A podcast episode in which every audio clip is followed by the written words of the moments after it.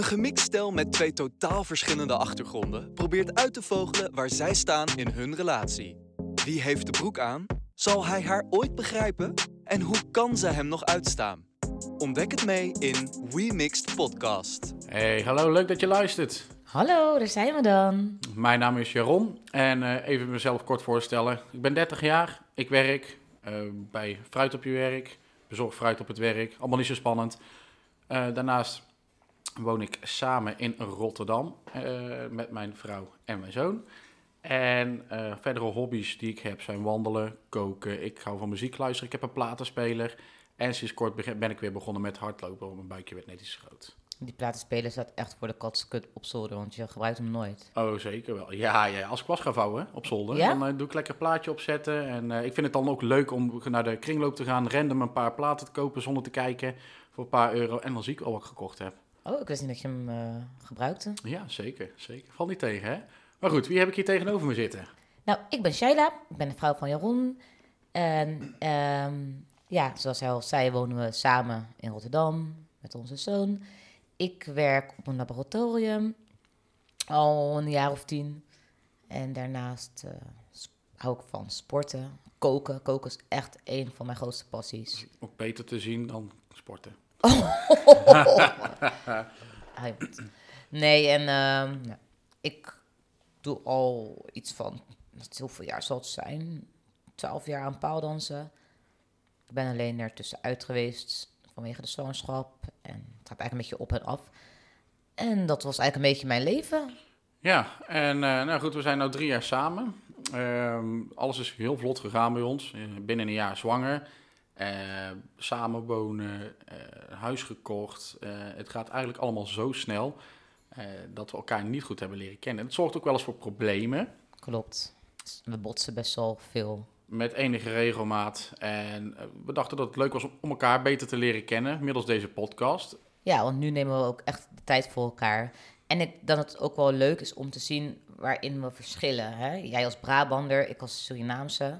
Ja, klopt. Eh, be- behoorlijk wat verschil. Ik, eh, ik heb de grote oversteek gemaakt van over de zure sloten naar, eh, naar het westen van het land toe. Nou ja, de zure sloot. Het is hier gewoon veel mooier, niet? Ja, beton is inderdaad een heel stuk mooier als je ervan houdt. Maar er zit in ieder geval gewoon ontzettend veel verschil tussen ons. Zowel inderdaad waar we in Nederland vandaan komen, maar ook jouw Surinaamse roots. Dat zorgt gewoon voor zoveel verschillen.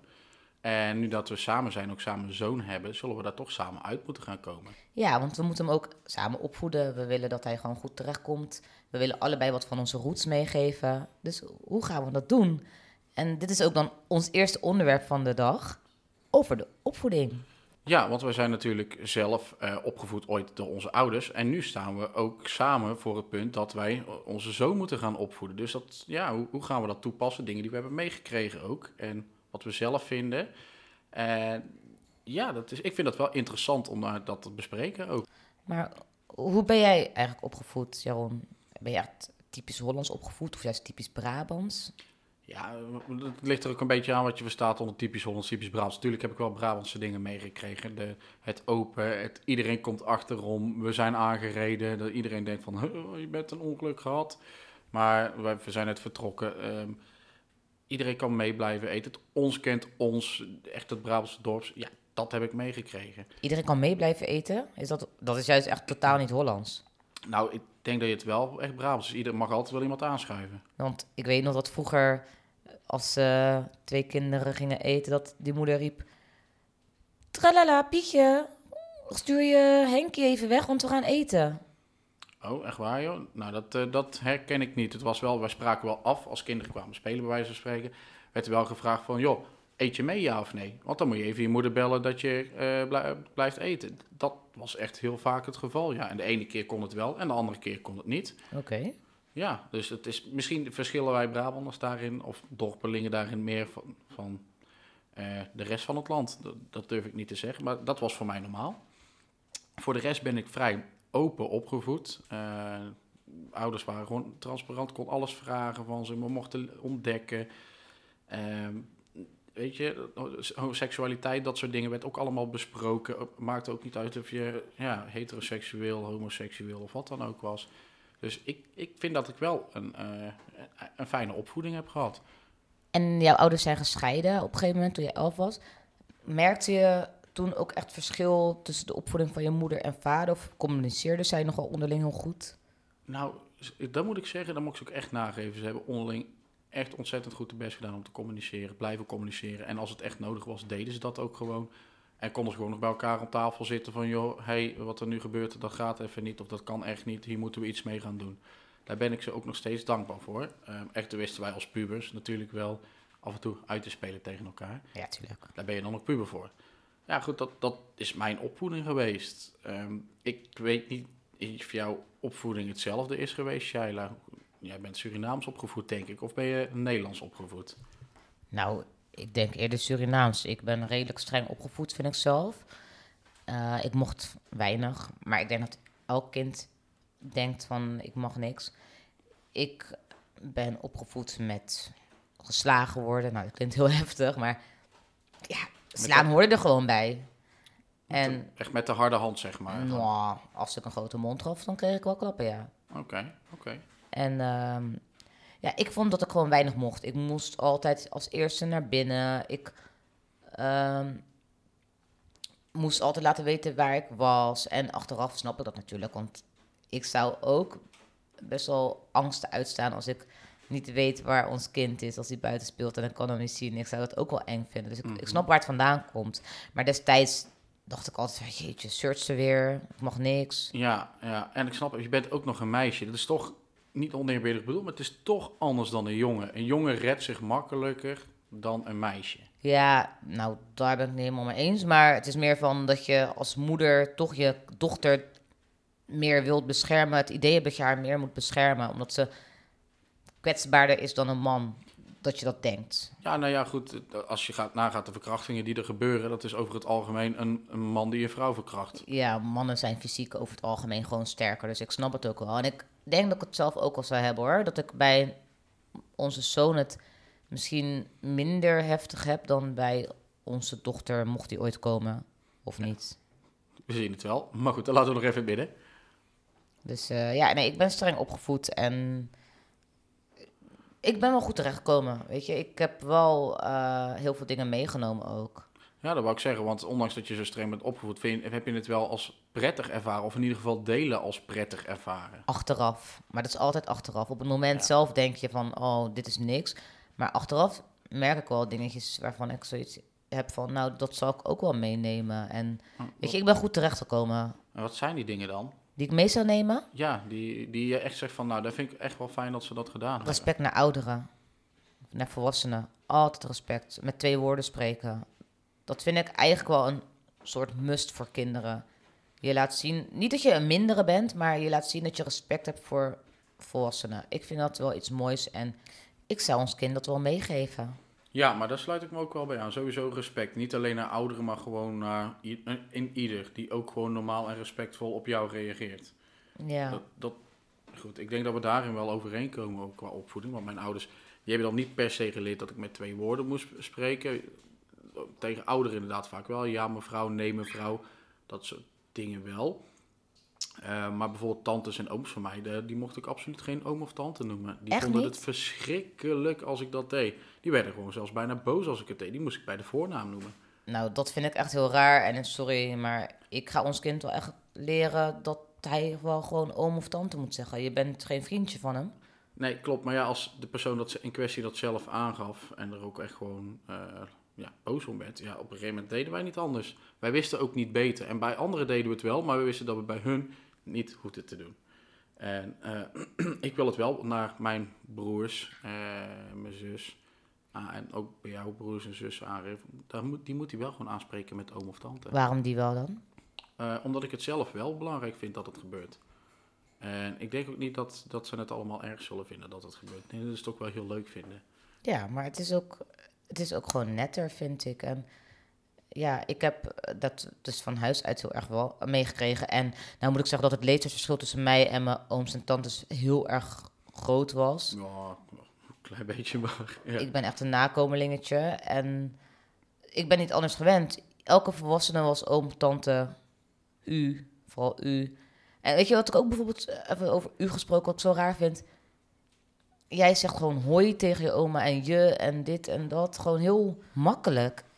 Ik ben gewend om echt u en dag oma. Ik zal nooit je tegen jouw oma zeggen, nooit. Nee, dat kan me voorstellen. Maar dat is ook omdat het mijn, mm, ja, niet jouw familie is. En alhoewel ik ook tegen jouw ouders niet snel je zal zeggen. Je moeder misschien nog wel een keer, per ongeluk. Maar die spreek ik over het algemeen, net zoals je vader, ook aan met u. Ja, Waarom? Het, dat is misschien een cultureel dingetje waarom ik dat doe. En gewoon uit netheid, uit respect ook voor de andere cultuur en de andere normen en waarden die er zijn. Eh, zonder dat ik, ik vind dat ook niet te ver gaan. Ik vind het ook niet raar om het te doen. Echter bij mijn eigen grootouders, ja, wij vinden het een soort afstand creëren lijkt het wel om dat te doen. Ik weet niet beter. Mijn oma is, eh, is 50 jaar ouder dan ik ben, 49 jaar, zoiets. En daar hebben wij ook gewoon nog mee gespeeld en gedaan en gestoeid. Mijn opa ook, die heeft nog dingetjes gemaakt en dergelijke. Eh, ja, weet je, dat, dat, dit, dit, we, zijn onder, we zijn familie van elkaar. We zijn geen vreemdelingen van elkaar. Maar omdat je opa wat gemaakt heeft, is het toch niet gelijk een je? Nee, maar ook geen u. Ik, het creëert gewoon zo'n afstand. Wij doen dat gewoon niet. Dat, ja, dat, dat, het is raar om dat te doen. En hoe gaan we dat onze zoon leren? Want ik ben van mening dat hij wel u moet zeggen. Of Nee, ik vind het heel lastig. Ik wil ook jou tegemoet komen. Misschien dat we ervoor kiezen dan dat hij wel gewoon met twee woorden spreekt, maar dat, dat hij dan geen u hoeft te zeggen Tuurlijk, of dat je zegt ja, oma, nee, oma, bijvoorbeeld. Ja. En, ehm, ik vind in ieder geval dat je mijn ouders niet met u hoeft aan te spreken. Ehm, maar als, hè, het, het- we kunnen het hem ook leren, gewoon dat hij jouw ouders wel met u aanspreekt. Nee, dat is, dat is verwarrend. Ik denk dat we wel ervoor moeten kiezen om daar één lijn in te trekken. Dus of hij zegt tegen iedereen u en jij voelt je daar niet fijn bij, jij vindt het te afstandelijk, prima. Dan kies je ervoor dat hij gewoon met twee woorden spreekt. En dan mag hij wel je zeggen. Da- da- daar Twee- ben ik het mee eens. Twee woorden gaat hij sowieso spreken. Dat Maar- is niet meer dan normaal. Vind ik zelf ook. Dat moet. En groeten. Groeten ook. Niet dag, hallo oma. dag, Hallo. Nee, niet alleen hallo. Ja, soms in blijdschap dat van hallo, ah, oma, oma. Ja, Weet je wel, maar- dat, dat wel. Maar Over het algemeen gewoon goeiedag of goedenavond of dag oma. Tuurlijk, tuurlijk, dat wel. Hallo. Nee, Sorry. gewoon alleen hallo. En zeker niet, nee, zeker niet naar oma toe. Als je ergens komt en je bent verlegen en je doet dan hallo of hallo allemaal, kan ik me dan nog enigszins voorstellen. Mee eens. Maar bij echt degene die dichtst bij je staan en die ook met regelmaat ziet, ga je niet alleen maar met hallo. Tuurlijk niet. Dan is het hallo tante, hallo oom. Nee, het gaat om het woord hallo. Oh, oké. Ik dacht dat je dat al snapte hieruit. Nee. Niet dus. nee, ja, ik vind hallo, vind ik zo...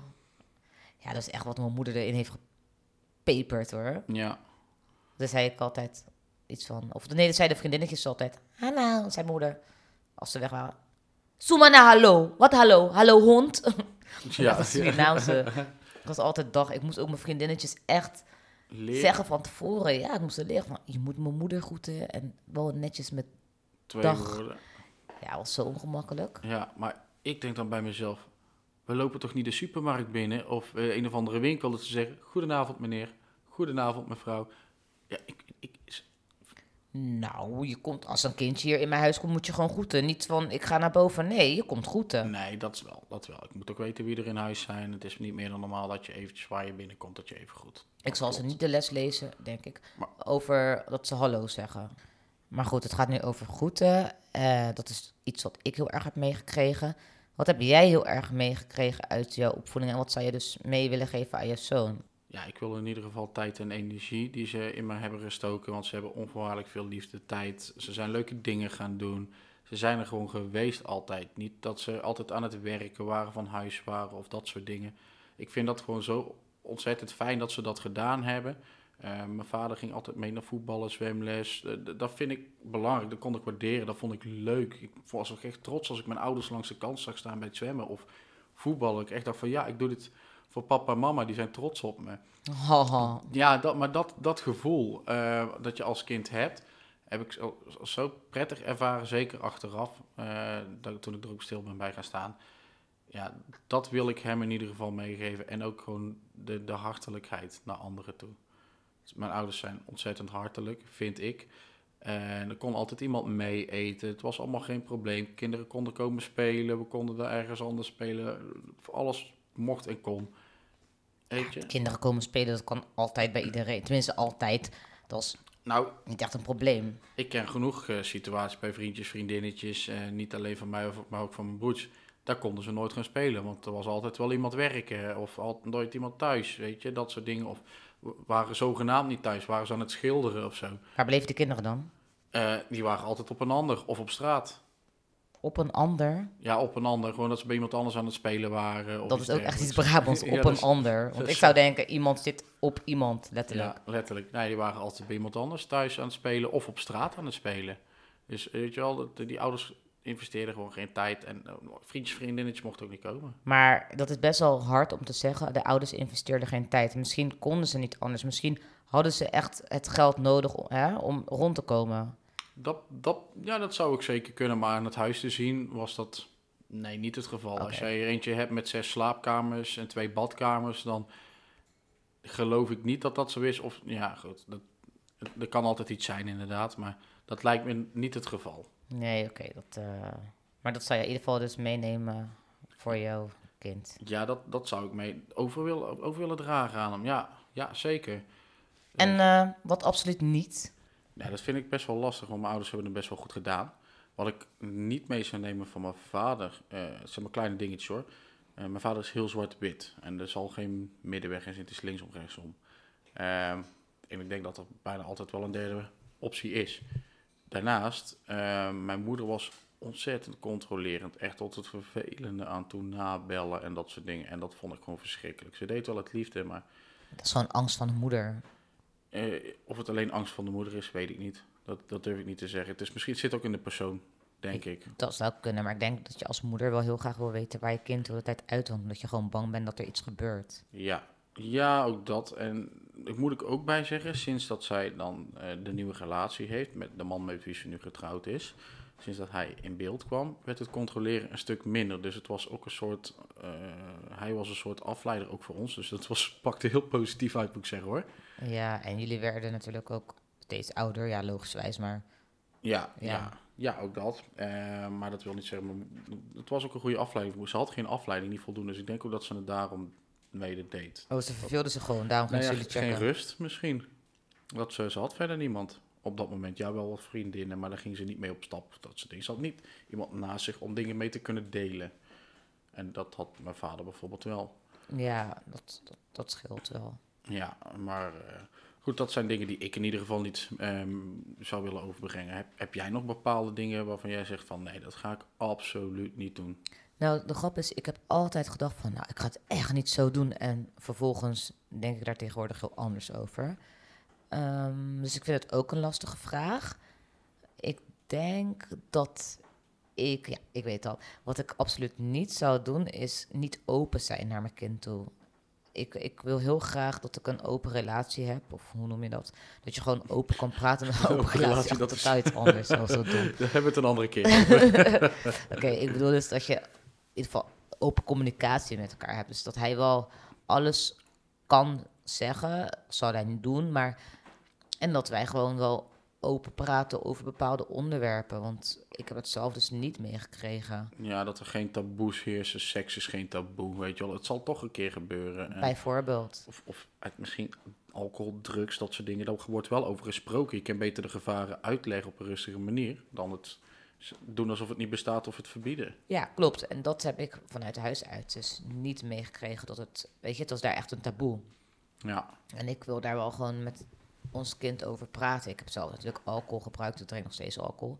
En ik heb drugs gebruikt. Ik heb gerookt. Dus ja, Ja. ik heb eigenlijk alles gedaan wat eh, niet goed is. Dus ik weet waar ik over praat. En niet dat het per se nodig is om het gebruikt te hebben. Maar ik denk dat het gesprek wel wat makkelijker maakt met je kind.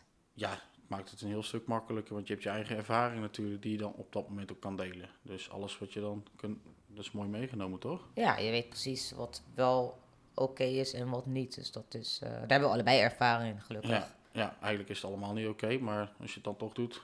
dan liever gecontroleerd. Ja, klopt. Maar goed, Dus- een stukje drugs. En ehm, dan heb je natuurlijk ook nog een stukje seks, seksuele voorlichting. Mhm. Hè, hoe eh, zou jij daarmee omgaan? Ik eh, zou op het moment dat ik het gevoel krijg dat hij daaraan toe is, ik denk dat je dat als ouder wel gaat merken.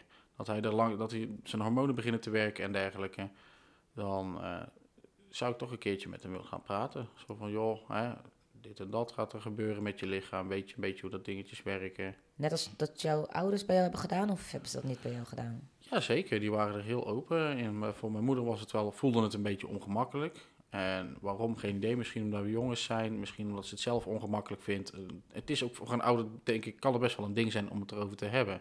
Maar ik denk dat hoe normaler je het doet, hoe ja, normaler het kind het opvat. Dat zou kunnen, maar het kind is en blijft aan het puberen. Dus dingen zijn sowieso ten alle tijde ongemakkelijk. Op dat moment. Dat ligt ook gewoon deels aan de puberteit. Oké, ja, dat zou kunnen.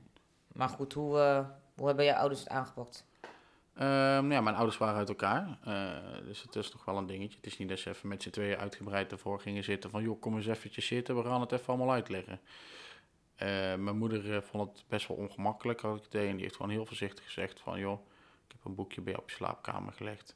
Als je wil, kun je het een keer doorlezen. En je hoeft het er niet met je broertjes over te hebben... dat ze in één keer raar gaan doen of zo erover. Want ja, dat krijg je ook nog. Hè, jongens allemaal... Uh. Ja, en eh, ze zei, dan leg het dan maar terug op mijn kamer, eh, op mijn slaapkamer, als je er klaar mee bent. En heb je- jij het blokkerig teruggegeven? Die was niet meer open te krijgen. nee, nee, nee, nee. Nee, nee ik, eh, er zat inderdaad wel een getekende poes in. En ik dacht echt van, ah, kut. Eh, het enige wat ik wel eens een keer had gezien was iets half zo na 12 uur op tv. Dacht je, Of dacht je, ah. Nou, hoe vaker, ik had het nog een keer gelezen, nou, en hoe vaker ik naar het plaatje keek, hoe meer ik dacht van, oh. Echt, serieus? Ja, echt verschrikkelijk. Het was, een, eh, het was nog getekend ook. Het was niet eens een foto. Maar het was wel goed getekend. En toen heb je even een paar keer zitten op dat eh, plaatje. Nou, ik denk één keer.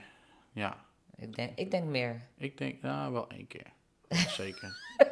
Want daarna ging de ontdekking eh, snel van, oké, na 12 uur komt er ook iets leuks. Hey, oké, weet je wat, zullen we dat eens gaan kijken? Bel me, weet je wel, die reclames inderdaad. Ja, en dat boekje heb ik op een gegeven moment ook gewoon teruggelegd. En bij mijn vader, die, die stelde gewoon tussendoor, als we een, keer apart of alleen waren met hem, ook even een paar vragen erover van, joh, weet je hoe dat het allemaal een beetje werkt, hoe de dingen in elkaar steken. ehm, doe het in ieder geval veilig en met respect ook voor de ander. Als je vragen hebt, stel ze. Eh, maar die begon ook over porno te praten. Joh, dus, hè, internet begon allemaal flink te hypen, flink Mhm. op porno. En die zei ook van, joh, luister, hè, er staan ook dingen op die gewoon niet normaal zijn. Let daar wel op, dat je ze ook niet normaal gaat vinden. Dat je dat wel eventjes realiseert. Niet iedereen, elke vrouw vindt het leuk om helemaal uit elkaar getrokken te worden door een veel te grote lul, veel te hard geramd en, en dan helemaal kapot schreeuwend van, ah, Dat heeft je vader met jou besproken. ja, ja. Eh, misschien wel iets minder ruw en plat gezegd, maar Ja, mijn vader, wel. nou, mijn vader kan het ook gewoon ruw en plat zeggen. Die heeft dat laatste stuk wel gezegd, ja. Maar ik vind het wel heel goed dat je vader dat bespreekt. Dat hij wel laat weten dat het porno geen realistisch beeld is van de werkelijkheid. Ja, daar ben ik ook blij om dat hij dat gedaan heeft. Nou had ik dat zelf ook wel, maar ja goed, hè, het kan toch wel zo zijn. En hij geeft, gaf er ook wel bij toe van, nou, eh, ik heb het ook wel inderdaad gekeken, omdat ik wel wil weten wat er een beetje online allemaal te vinden is. Om wel, zodat ik weet waar ik het over heb. Dat gebruikt hij als excuus. Eh, nou, volgens mij heeft hij het zelfs nog met zijn met zijn vrouw overlegd, ja. Ja, Hij heeft overlegd of hij porno mocht kijken. nou wel zo van, joh, kijk dit wel eventjes, want ik wil wel weten wat er allemaal te vinden is op het internet, wat ik weet wat, die, wat er met die jongens. Ja. Schijt toch uit. Die man kijkt toch gewoon porno. Nou, eh, nee, ik denk, hij is wat ouder. Hè. Ze zijn niet zo jong allemaal als ons. En van zijn generatie zijn er een stuk minder die het doen. Die doen het in ieder geval gewoon lekker. Gewoon met elkaar, gewoon hup, pof, huistuin, de keuken, seks. Lekker in bed, meer niet. Dat idee heb ik in ieder geval. Als het anders is, sta ik ervan te kijken. Was je, zo. Dan sta ik er echt van te kijken. Het zou zomaar kunnen dat ze nou allemaal van die kinky feestjes gaan of zo. Nou, dan hadden we ze denk ik al wel een keer tegengekomen, niet? maar goed, dat is ook iets voor een andere aflevering. Eh, bij jou was het dus een stuk minder. Ja, dat klopt. Bij mij was het eigenlijk gewoon taboe. Ik heb eh, nooit echt seksuele voorlichting gekregen van mijn ouders. Oh. Nou scheelt mijn vader eh, nogal van leeftijd met mij. Nogal heel veel jaren. Iets van, ik wil 56 jaar. zo. Dus ja, dat was sowieso al een taboe. En mijn moeder heeft er ook nooit over gesproken. Maar waar- waarom dan niet? Was het vies of was het raar? Of vanwege een overtuiging misschien of zo? Nou ja, weet ik veel. Ze probeerde zichzelf te overtuigen dat het vies was, denk ik. Misschien had ze Oké. zelf allemaal slechte ervaringen. Maar ze heeft wel altijd gezegd, ja, seks is vies of bla bla bla. Maar ik weet nog wel dat toen ik acht was, dat ik een keer een condoom had gevonden in een slaapkamer. Toen zei ik, mama, hi, mama, hi, wat is dit? Zei ze, dat is een condoompje. Heb ik voor je vader gekocht. Wat? Oh, Zo zeg. Dus ze Oh, wel hilarisch. seks. Ja, oké. nee, Zo vies vond ze het niet. nee, maar voor k- minderjarigen is het vies. Het kan pas op het moment dat je getrouwd bent of zo. Dan is het normaal. Mijn moeder is ook niet getrouwd. Maar ik denk dat het een soort beschermingsmechanisme van haar was. Van het is vies, het is roken, is vies. En- Ja, en als je zegt dat het vies is, dan zullen ze er ook geen vragen meer om stellen. Of zo. Nee, dat deed ik ook niet, want ik wist ook daar geen antwoorden kreeg. Dus ik ging elders op zoek. Ja, ja, hoe, ja, nou ja, dat weet ik. Dat, dat- daardoor ben ik bij mij terechtgekomen. Nou ja, en... eh, leuk. Ik weet nog wel dat een buurmeisje destijds wel het boekje Seks en Zo had. En dat ik dat echt gewoon helemaal van voor tot achter, van achter naar voor heb doorgelezen. Omdat ik het gewoon zo interessant vond. Maar dan stiekem thuis of zo? Of- Nee, bij haar thuis. Want zij kreeg het boekje wel van haar ouders. Oké, oké. Ja, dus, Daar was het geen taboe. Ja, maar wat, wat, wat zou je dan, zeg maar, wat jij niet hebt gekregen, dan wel aan, aan onze zoon mee willen geven? Ik wil inderdaad ook gewoon open over seks kunnen praten. Gewoon, het moet normaal zijn, tot op zekere hoogte natuurlijk. Ja, en ook- met een boekje dan? Dat Bijvoorbeeld? kan. Als hij zich daar op zijn gemak bij voelt, wil ik best samen met hem een boekje bekijken. Oh, je zou hem niet gewoon ook eh, zeggen van, joh, hier, lees het even een keer door als je dat zelf wil. Nee, Het kan zijn dat hij zich geneert. dat kan. Dat hij het gewoon gênant vindt. En misschien is het wel hè, fijn voor hem dat hij het dan eventjes gewoon zelf alleen kan doen. Ja, maar dat merk je op zich wel als je het gesprek probeert aan te gaan, denk ik. Hoe die zich bij voelt. En dan kan je altijd nog kiezen om een boekje neer te leggen. Mhm. Zeker. Ja, nou ja, dat, dat is ook zeker zo. Dat, ik denk dat je dat ook wel aan moet gaan voelen hoe dat het zit. Dus eh, Maar goed, dat zien we wel hoe het... eh, hoe we dat gaan doen. Ja, nou ja, wel fijn dat je er in ieder geval ook die openheid wil geven. ja, Ehm, daarover gesproken, openheid is, ik vind het sowieso belangrijk in de relatie. Eh, ook met onze relatie, maar ook eh, naar onze zoon toe. mhm. Eh, hoe, hoe, hoe, hoe zie jij dat? Hoe ga jij daarmee om? Openheid. Tot, in hoe, tot hoeverre ga jij daarin? ja, dat is heel lastig. Tot hoe ver ga je erin? Ik weet dat ik het van huis uit dus niet heb meegekregen, die openheid. En ik ben zelf best open. Ik kan met mij eigenlijk over alles praten. Ik zie een twijfel in je gezicht. Ja nee, ja, nee, ik zit wel te denken, ook wat jij zegt van ik heb dat niet meegekregen, maar tegelijkertijd met dat condoom, weet je wel, er zijn ook heel veel ouders die daar dan weer over gaan liggen. Ja, je ouders zeggen nou wel van, joh, dit is een condoom, die heb ik voor je vader gekocht. Ook het eh, met 5 december, dat is ook zeg maar ook heel open verteld. Ja, maar van dat condoom, ik wist niet eens verder wat het deed, waarvoor het was. Dus dan kan je wel zeggen, ja, dat heb ik voor je vader gekocht. Maar verder wist ik ook niet echt eh, hoe of wat. Ah, oké. Oké, ja goed. Maar goed, ik wil het in ieder geval nu dat die openheid wel echt doorgeven. Alles moet gewoon bespreekbaar zijn, weet je wel. Eh, er moeten geen taboes zijn tot op zekere hoogte.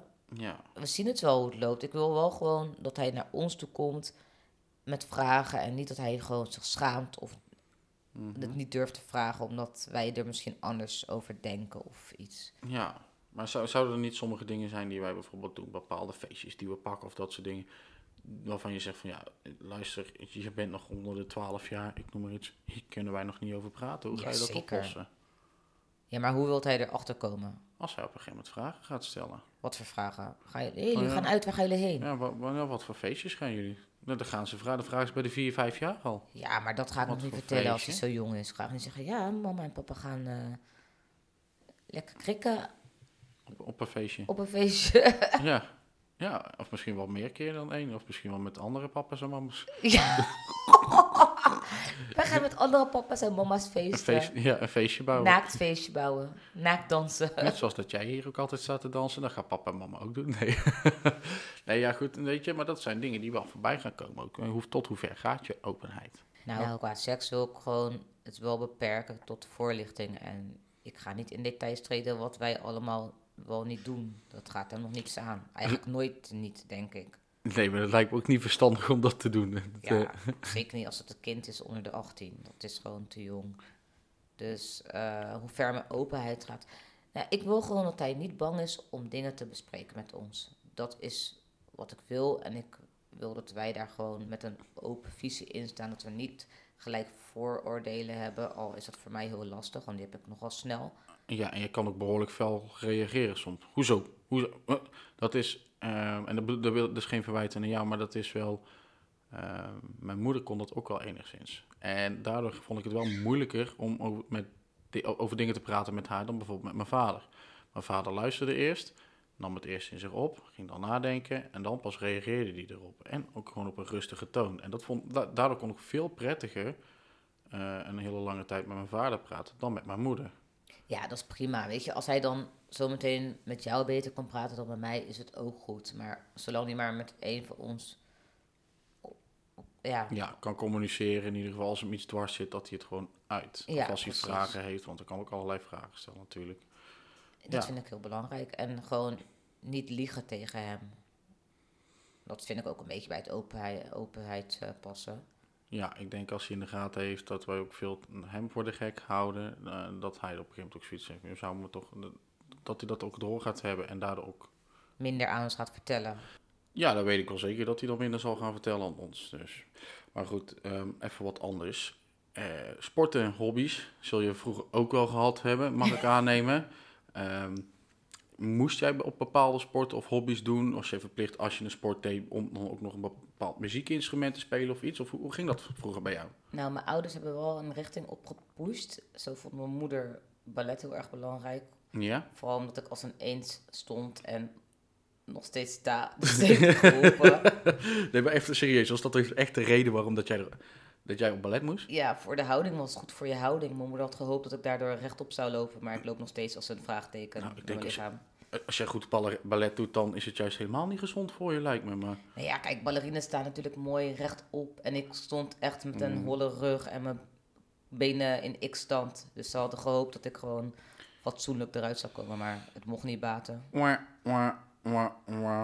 Dus dat eh, moest ik doen. En ik wilde eigenlijk heel graag op modern of, of eh, jazz of eh, streetdance. En dat mocht allemaal niet. Ehm, ik wilde ook super graag op turnen. Ja? Echt, als ik er weer aan denk, word ik eigenlijk weer boos dat mijn ouders dat altijd hebben geweigerd. Z- Zit dat echt zo diep, ja? Het zit echt heel diep. Echt bizar. Ik weet zeker dat ik heel goed had kunnen worden. Maar het was gevaarlijk. Ja, nou ja, ballet idem dito kun je ook gewoon blesseren. Ja, maar ja, als jouw kind echt heel graag op een sport wilt, waarom, waarom doe je dat dan niet? Waarom moet, moet je jouw zin doorpushen? Ik vind het echt zo kwalijk. Maar goed, dus eh, ballet. En ik moest op muziekles. Dat vond ik zelf wel heel leuk hoor. Oké. Ik ben blij dat ik op muziekles heb gezeten. Het is, ik geloof dat het goed is voor je ontwikkeling. Ja, leer je er veel van, denk je? Nou, ik denk dat het zeker bijdraagt aan de ontwikkeling. Hoe precies, dat weet ik nog niet. Maar je bent ook geen wetenschapper, dus. nee, maar ik ben muzikaal. En nu. En ik hoop eigenlijk dat ons kind dat ook eh, zal zijn. Maar ehm, ja, muziekles heb ik een jaar op gezeten. Uiteindelijk een instrument gekozen. Dat heb ik dan wel een beetje gekozen op basis van wat mijn vriendinnetjes kozen. Mhm. Dus, ehm, maar ik ben er heel dankbaar voor dat mijn ouders die keuze hebben gemaakt. Alleen als ik hun was geweest, had ik wel een beetje meer geluisterd naar wat ik echt wilde. Naar bepaalde mensen. Je hoeft niet overal mee akkoord te gaan, maar eh, bepaalde dingen. Oké. Hey, maar nog even over de muziekles. Eh, want je zegt, ik heb muziekles gehad. Maar ja, wat heb je op een eh, luchtgitaar gespeeld? Of wat wat moet ik me blij voorstellen? Je weet toch wat ik heb gespeeld? Ik weet wel, je hebt gespeeld, maar een ander niet. Ja, alsof mensen dat boeiend vinden. Nou, ik heb jarenlang viool gespeeld.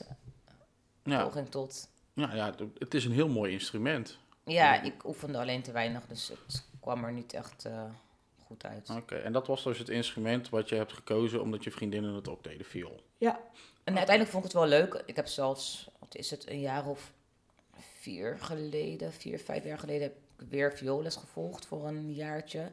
Maar ik had het gewoon te druk, het ging niet. En toen kwam je mij tegen, dus moest je al helemaal stoppen. Dan. Het was wel gestopt, ja. Nee, Ja. maar ik zou best wel weer een instrument willen spelen. Nou, wellicht dat het in de toekomst komt met, eh, met die kleine van ons, dat we dan, eh, of dat je dan gezamenlijk iets kunt gaan doen of zo daarin. Dat, dat als Ja, hij muziekles gaat, dat bij jou ook weer kietelt en prikkelt om hem te, te- op te oefenen en dat je zelf mee gaat doen. Ja, dat, dat is je net wel. En hoe is het bij jou geweest? Eh, hebben jouw ouders ook gepusht of mocht je zelf kiezen? Of hoe is dat gegaan Ehm, qua nou, hobby's? Ik, ik, ik denk uh, toen ik jong was, echt heel jong was, praat ik over kleuterleeftijd, dat ze toen wel iets hebben gekozen van, joh, hij, hij moet iets gaan doen. En uh, ik ben op, begonnen met uh, kleutergym, kleuterturnen. En daarna heb ik tot mijn achtste jaar geturnd. Oh joh, jij hebt gewoon geturnd, ik, hè? Ja, Zo, ik heb gewoon geturnd. En toen ben ik er vanaf gegaan. Uh, ja, goed, kreeg, het, was, het was niet eerlijk. Meiden kregen bijvoorbeeld altijd diploma's. Jongens kregen certificaten en mochten maar halve oefeningen doen. Het was eigenlijk gewoon discriminatie op basis van geslacht. Maar toen was turnen voor jongens ook nog niet helemaal hot, denk ik. Maar volgens mij werd het ook op de Olympische Spelen gedaan. Maar goed, ja, ik weet niet Ja. hoe, waarom dat, wat de reden was. Maar het was in ieder geval de reden waarom de ouders zeiden van... Nou, weet je wat? Want we waren volgens mij met acht jongens op een, een groep van, denk ik, dertig of zo. Oh, dat is nog best wel veel. Ja, en we waren allemaal dus ongeveer dezelfde leeftijd. Dus het was echt, wij waren ook echt de eerste jongens die het een beetje deden. En, maar ja, dan, dan zou je juist, dan moet je het gelijk trekken, lijkt mij. Ja. En dat gebeurde niet. Eh, Toen ben ik een jaar gaan judoën. Dat was een eigen keuze van mij.